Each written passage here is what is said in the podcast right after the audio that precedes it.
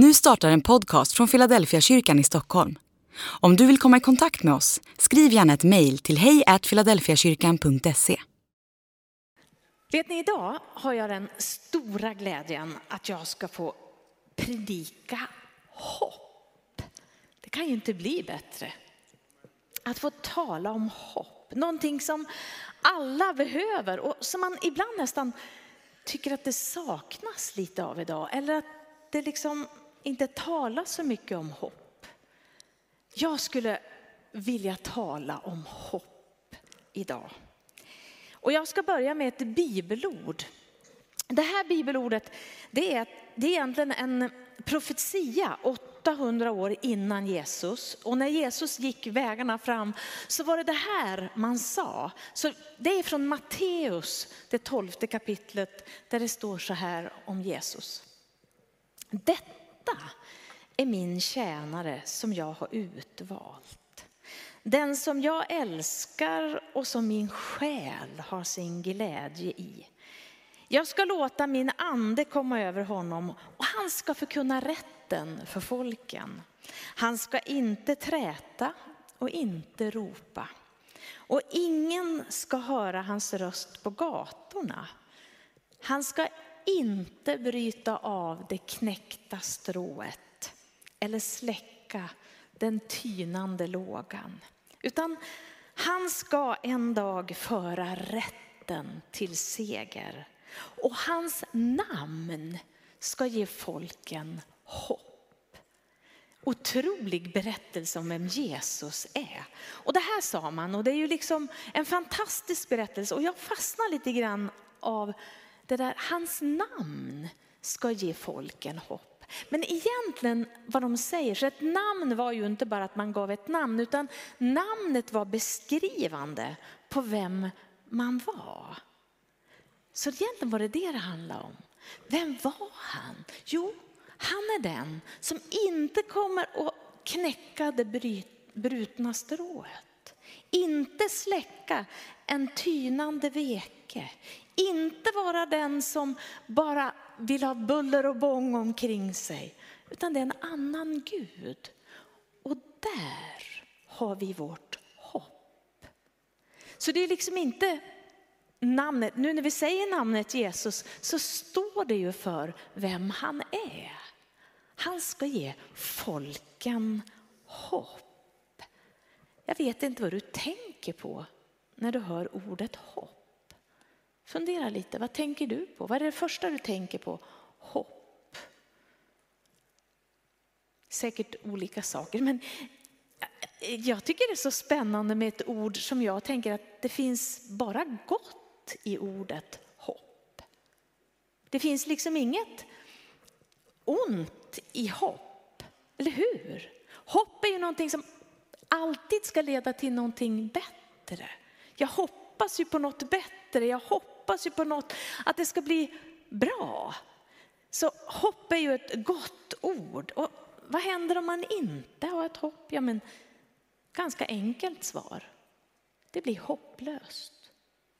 Utan hopp, då blir det ju hopplöst. Det finns ingen utväg.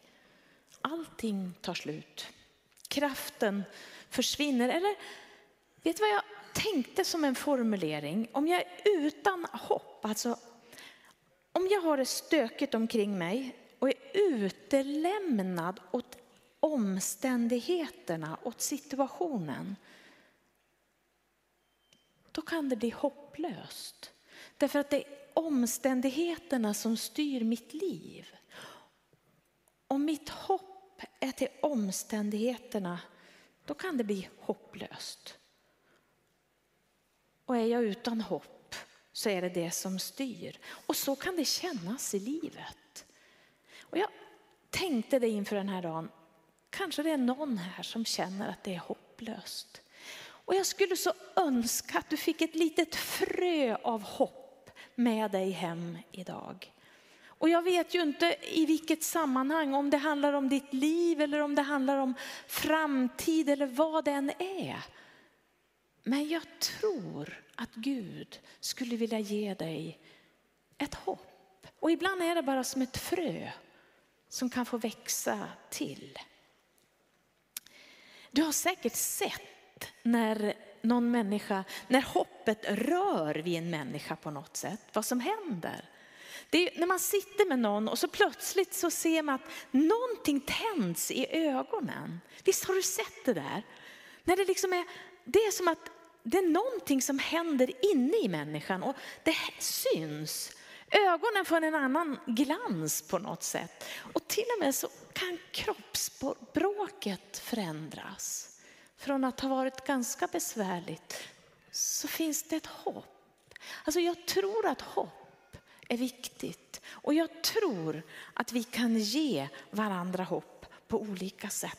Någonting att hålla i som kan förändra sammanhang. Egentligen skulle man kunna säga, jag vill nog påstå att hopp är att hålla i någon. Jag kommer fram till det mer sen. Förväntan, förtröstan, utsikter. Om du hade nu när jag frågade vad tänkte du på hopp, då hade du kunnat googlat. Då hade det kommit fram. Hopp handlar om förväntan, förtröstan, utsikter. Det handlar om att få se någonting annat. Att mitt i det man är få se möjligheter, ett ljus, en ljusstrimma. Och hopp handlar alltid om att se framåt. För man hoppas ju inte bakåt. Bakåt är ju en erfarenhet. Utan hoppet är riktat framåt. Så man kan få se någonting framåt. Jag kan hoppas att det blir bättre. Jag kan se en möjlighet det ger mig kraft. Bibeln talar mycket om hopp. Och jag tror det är därför att Bibeln vet ju, Gud vet ju vilka vi är. Så Bibeln talar mycket om hopp och att man får sätta sitt hopp till Gud. Både här i livet, inför döden, men också fortsättningen. Det handlar om liksom hela vägen in i evigheten. Allt det där, det finns ett hopp i Gud. Det finns hopp för livet här och nu. Jag skulle vilja säga så här att Gud, han är angelägen om ditt liv. Han är angelägen om dig. Och han vill att du ska få den där glimten i ögonen och få hopp. Sån är Gud. Och idag så satte jag temat för den här predikan hoppet som bär. Och jag, jag tänker det finns en poäng i det där. För Gud är en Gud som bär. Alltså han är inte bara på sig, men Lena pusha på lite grann. Du måste kunna tro. Du måste kunna ta fram det här. Utan ibland säger han, Lena kom nu. Och så bär han. Och jag tänker det är precis så med hoppet. Det är ingenting som du ska prestera, utan hoppet som du kan få in i ditt liv ska bära igenom det som är ditt liv och det som är runt omkring. Det är ett sånt hopp som Jesus själv är. En som bär. Han glömmer ingen. Han överger ingen. Jag, jag, jag tänkte det. Guds i identitet, i den ligger han glömmer ingen. Han utestänger ingen. Det kan du se när du läser Bibeln. Utan han vill varje människa väl.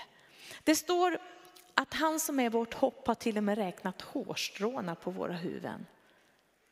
Det låter ju löjligt det där, men det där är ju ett sätt att berätta. Du vet, jag vet allt. Jag vet allt. Så här står det i Lukas 12. Och varför jag tänker läsa den här. Du vet, om jag ska sätta min hopp till någon så måste jag ju veta vem det är. Jag måste ju veta vad den vill. Och då står det så här i Lukas 12. Säljs inte fem sparvar för två kopparslantar, men ingen av dem är glömd av Gud. och till och med hårstråna på ert huvud är räknade. Var inte rädda. Ni är mer värda än aldrig så många sparvar. Det står också på ett ställe att ingen sparv faller till marken utan att Gud vet om det. Ja, men det var väl skönt. Men någon som har jobbat mycket med grundtexten säger att egentligen står det så här. Varje gång en sparv faller till marken så faller Gud med. Alltså det är skillnad. Stå och titta på eller vara med i det som är. Det är den guden jag talar om. Som är mitt i ditt liv. Som är angelägen om ditt liv. Och som vill vara ditt hopp. Och han vet precis. Han kan hur många hårstrån du har och det var inte det viktigaste. Men han vet hur ditt liv ser ut. Han vet vad du kämpar med. Han är där, mitt i det som är ditt liv. En Gud som är på din sida, som inte glömmer eller överger, som vet. Utan hopp, sa jag det, då är vi utelämnade till det som är. Och det låter ju väldigt nästan vetenskapligt, klokt. Ja, men Självklart, det är ditt liv, det här är verkligheten och det är det du utelämnar till. Och det är det här jag vill tala om idag. Att tillsammans med Gud är det inte det här som är den enda verkligheten. Det finns en verklighet till. Att ha sitt hopp i Gud gör hela skillnaden. Så här står det, jag tror nämligen på att det är ett hopp att både leva och dö på. I Romarbrevet 15, det här bibelordet hade Anton med förra söndagen. Må hoppets Gud, det är så vackert. Va? Snacka om identitet. Må hoppets Gud fylla er tro med all glädje och frid och ge er ett allt rikare hopp genom den heliga andens kraft. Kan man alltså till och med få ett rikare hopp, inte bara ett hopp. Åh, vad jag skulle vilja till oss alla som är här. Du som inte har ett hopp, jag tror att du kan få ett hopp idag. Och du som har ett hopp, jag tror du kan bli rikare. Det finns någonting mer, ett rikare hopp. Ett fördjupat hopp som gör att jag kan liksom gå ännu tryggare igenom det som är. Genom den helige andes kraft. När man kan få en glimt och se det som jag inte kan se med mina vanliga ögon. Det är att vandra med Gud. Att få se något här inne som jag ännu inte har sett. Jag älskar ju Mose när det står om honom. Han höll ut därför att han liksom såg den osynlige. Visst är det fint? Det är att ha ett hopp. Man liksom ser. Jag tror att det är möjligt för dig och för mig i våra liv. Ett rikare hopp. Hoppets Gud, han vill ge oss ett rikare hopp. Något kraftigt att hålla i. Vi behöver det idag. Vi behöver se mer av möjligheterna och ana framtiden tydligare. För om vi ser oss omkring just nu, jag har fått lära mig att man ska göra sådana här nulägesanalyser Ibland är det roligt, ibland tycker jag det är jättejobbigt. Men man behöver göra det ibland. Nu har jag gjort en nulägesanalys. Lite snabbt. Men den är ju ingen rolig. Krig, konflikter. Visst är det här vi lever i? Miljöförstörelse, inflation, liksom värdet liksom bara försvinner. Mitt liv mina omständigheter. Det här är ju en nulägesanalys. Så här ser det ut. Tänk om det är det här som ska styra våra liv. Tänk om det är det här som är det enda hoppet. Nej, säger jag. Det här är ett nuläge och jag tänker så här att vi måste få ställa frågan, hur ska det bli? Finns det någon framtid? Vi är inte de första i mänskligheten som ställer den frågan. Finns det någon lösning? Vi är i gott sällskap. Det är en mänsklig fråga att ställa. Vi är ju utelämnade för vi kan inte klara allt. Vi kan inte stö- Vi vet. Vi vet bara hur svårt det var på miljömötet i Sharm el Sheikh att komma samman. Vi har det svårt. Vi kan inte klara det själva. Och jag tänker i Bibeln, om jag följer bara berättelsen här, folket i Egypten. Hur ska det gå? Det kom bara sak efter sak. Ja, men vi dödar alla pojkar, vi gör allt. De gjorde ju alla möjliga försök. Eller om du tar de som var i fångenskap i Babylon. Hur skulle det bli? Finns det någon väg? Alltså frågorna har ställts alltid av oss människor och jag tror att det är många som ställer dem idag. Hur ska det bli? Hur ser det ut för oss? Men Bibeln har ju ett svar på det här också.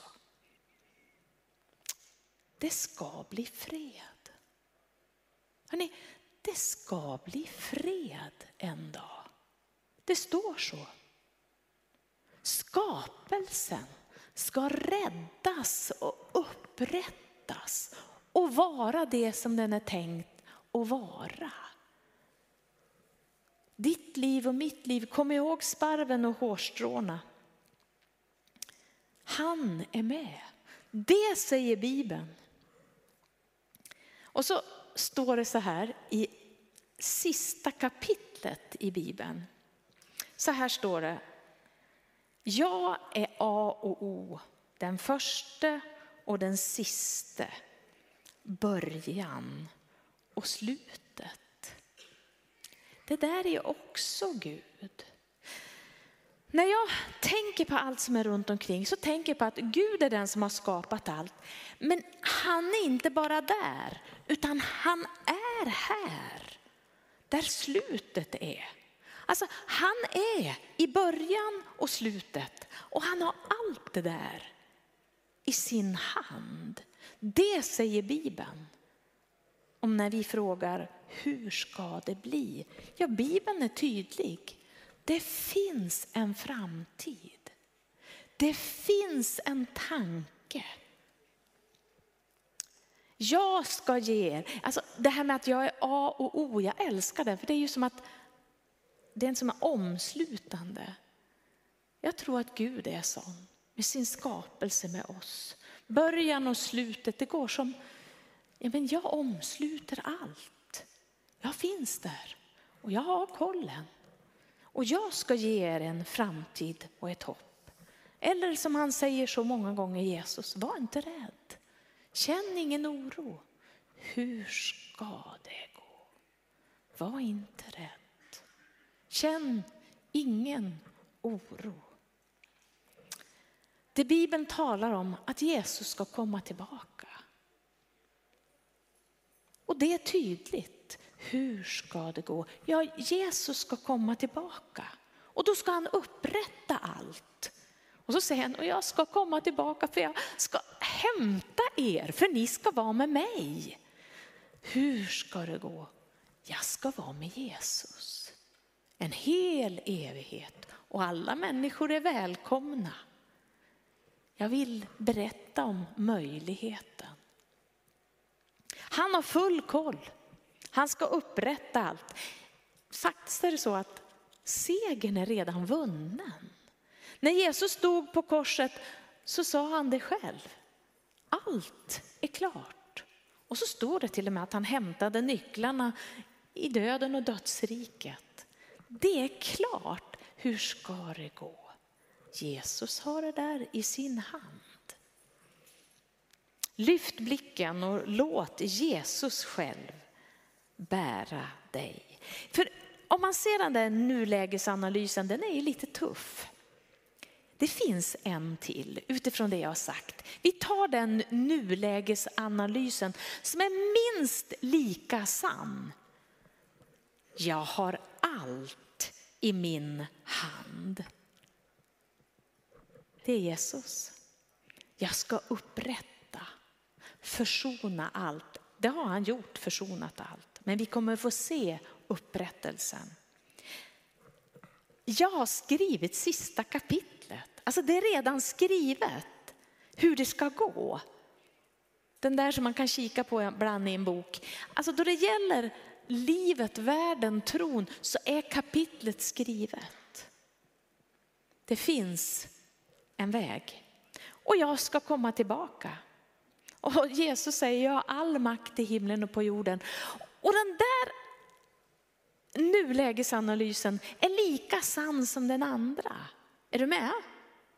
Ibland är det så lätt att vi står bara i våran egen.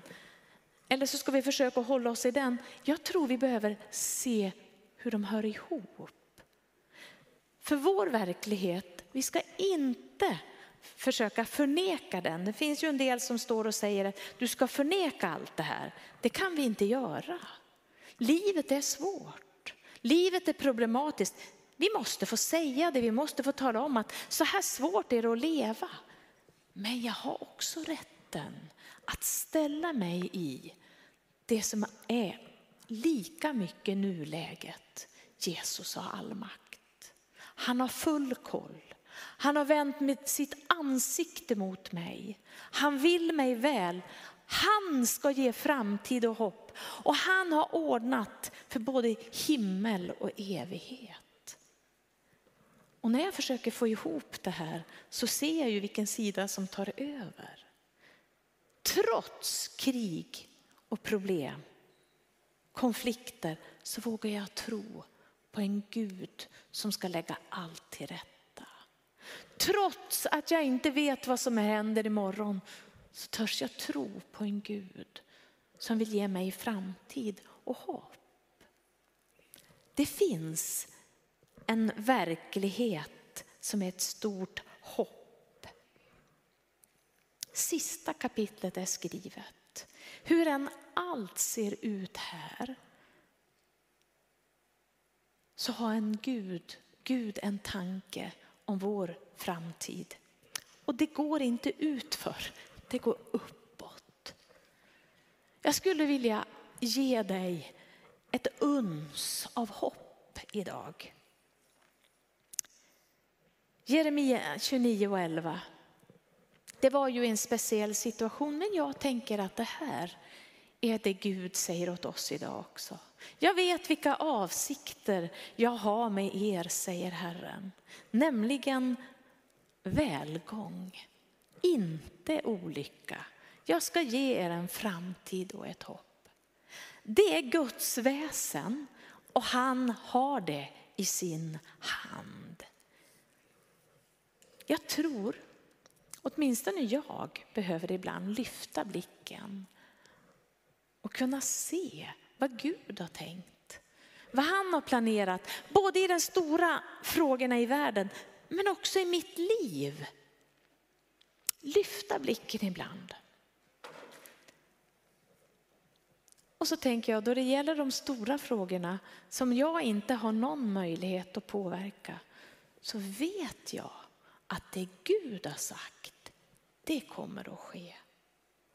Inte det andra säger om konsekvenser, utan det Gud har sagt. Han ska upprätta allt. Han ska komma tillbaka. Han har allt i sin hand. Han har redan segrat.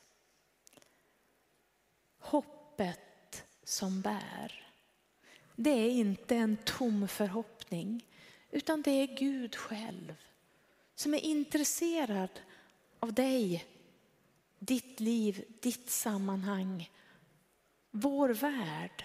Så vill han bära oss igenom allt. Det är ingen filosofisk tanke, utan det är en verklighet.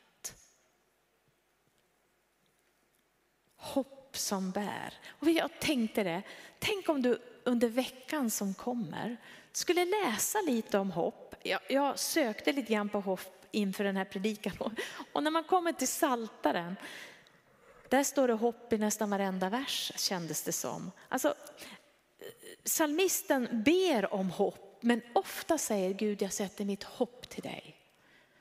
Så här står det i Saltaren 143. Tänk om du skulle ha det som daglig läsning. Vers 8. Låt mig var morgon möta din trofasthet. Ty jag förtröstar på dig. Visa mig den väg jag ska gå. Jag sätter mitt hopp till dig. Psalm 143 och 8. För grunden blir, var sätter jag mitt hopp? Eller det blir ytterligare en tanke, vem tillber jag? För den jag sätter mitt hopp till, det är också den jag tillber. Den jag hämtar råd hos, det är den jag tillber.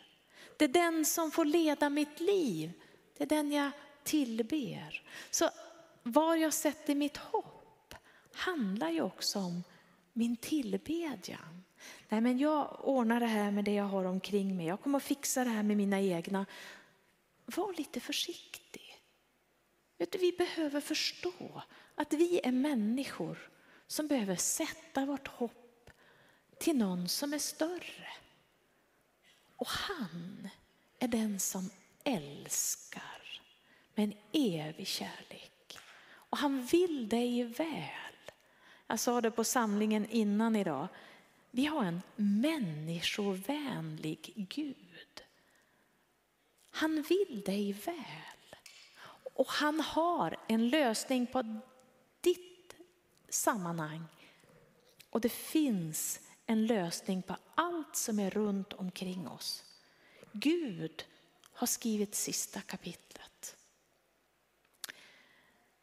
Vi ska be tillsammans. Och jag tänkte också och vi kunna få möjlighet att få förbön på två ställen här. Och jag tänkte att jag skulle vilja ge dig en möjlighet.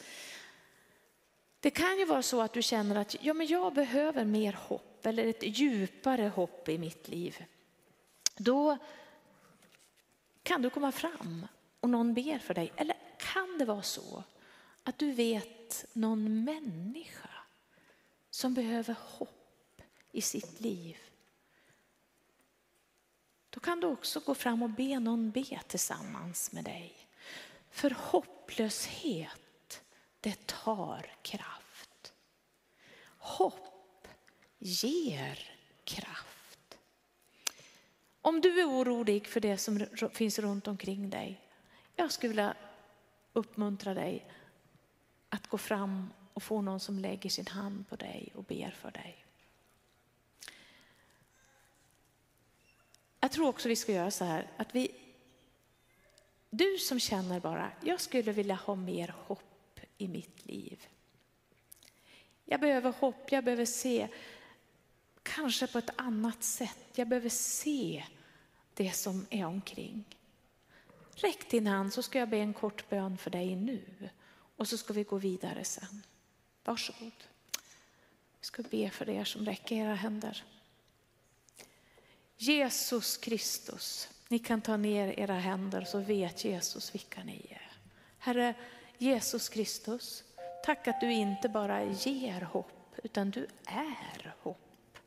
Att hålla sig nära dig, det är att få hopp rakt in i livet. Därför att du älskar oss och du vill vårt bästa. Och Herre, vi har förstått att du vill det. Nu ber jag för dem som har räckt upp sina händer Jesus. Kom. Du vet vilken situation det är. Om det är det närmaste i livet eller om det är inför de stora frågorna. Då ber jag Herre om din närvaro och jag ber om hopp och ljus. Jag ber om den där glimten i ögat Herre. Jag ber om friden i hjärtat Jesus. Jag ber Herre att alla skulle få gå hem idag med ett litet extra frö av hopp. Herre att du har allt i din hand. Amen. Så vill jag också fråga om det är någon som vill ta emot Jesus idag. För det är att ta emot hoppet i sitt liv. Om du vill för första gången ta emot Jesus i ditt liv, så räck din hand nu. Jag ska inte be dig om något annat, utan jag bara ber en kort bön för dig. Så vill du det, så räck din hand nu så ska jag be för dig.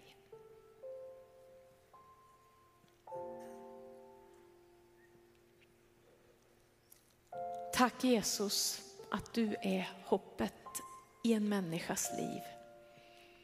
Ett sånt där hopp som håller. Och herre, tack för att frälsning, förlåtelse och frid finns hos dig. Välsigna var och en. Och du vet den som ännu inte känner dig, så ber jag bara att de skulle få se din kärleksfulla blick i första hand. Hur du älskar och hur du vill väl. Så vill jag bara tacka dig Jesus att du har hela världsläget i din hand. Ibland känns det inte så, men ditt ord säger att du har allt i din hand och du vet vart vi är på väg. Det finns hopp, det finns ljus, det finns framtid, det finns kraft. I Jesu namn. Amen.